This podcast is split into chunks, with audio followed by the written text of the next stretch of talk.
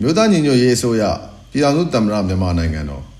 အမိန့်ညွှန်ကြားချက်အမှတ်1မြင်သော2021ခုနှစ်စက်တင်ဘာလ2021ရက်အကန့်အသတ်မရှိလုတ်ပိတ်ရက်အဖြစ်သတ်မှတ်ကြောင်းအမိန့်ညွှန်ကြားချက်ထုတ်ပြန်ခြင်း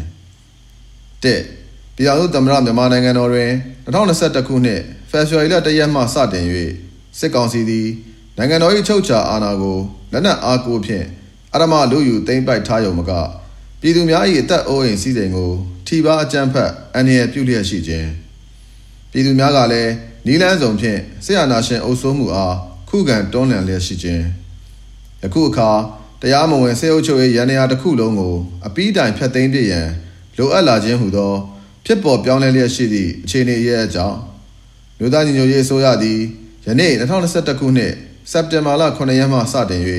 နိုင်ငံတော်အားအရေးပေါ်အခြေအနေဖြစ်သတ်မှတ်ကြောင်း အမိန့်ကြေညာချက်ထုတ်ပြန်ပြီးဖြစ်သည်နှစ်အရေးပေါ်အခြေအနေတွင်စစ်ကောင်စီလက်အောက်ခံဖြစ်လျက်ရှိသောအရက်ဖက်ရုံးဌာနအားလုံးကိုယနေ့မှစတင်၍ရက်အကန့်အသတ်မရှိအလုတ်ပိတ်ရက်အဖြစ်သတ်မှတ်ကြောင်းနှင့်အလုတ်ဆင်းရန်မလိုအပ်ကြောင်းညွှန်ကြားလိုက်သည်မန်ဝင်းခိုင်တန်းပြည်တော်စုဝန်ကြီးချုပ်မြို့သားညီညွတ်ရေးအစိုးရပြည်တော်စုသမ္မတမြန်မာနိုင်ငံတော်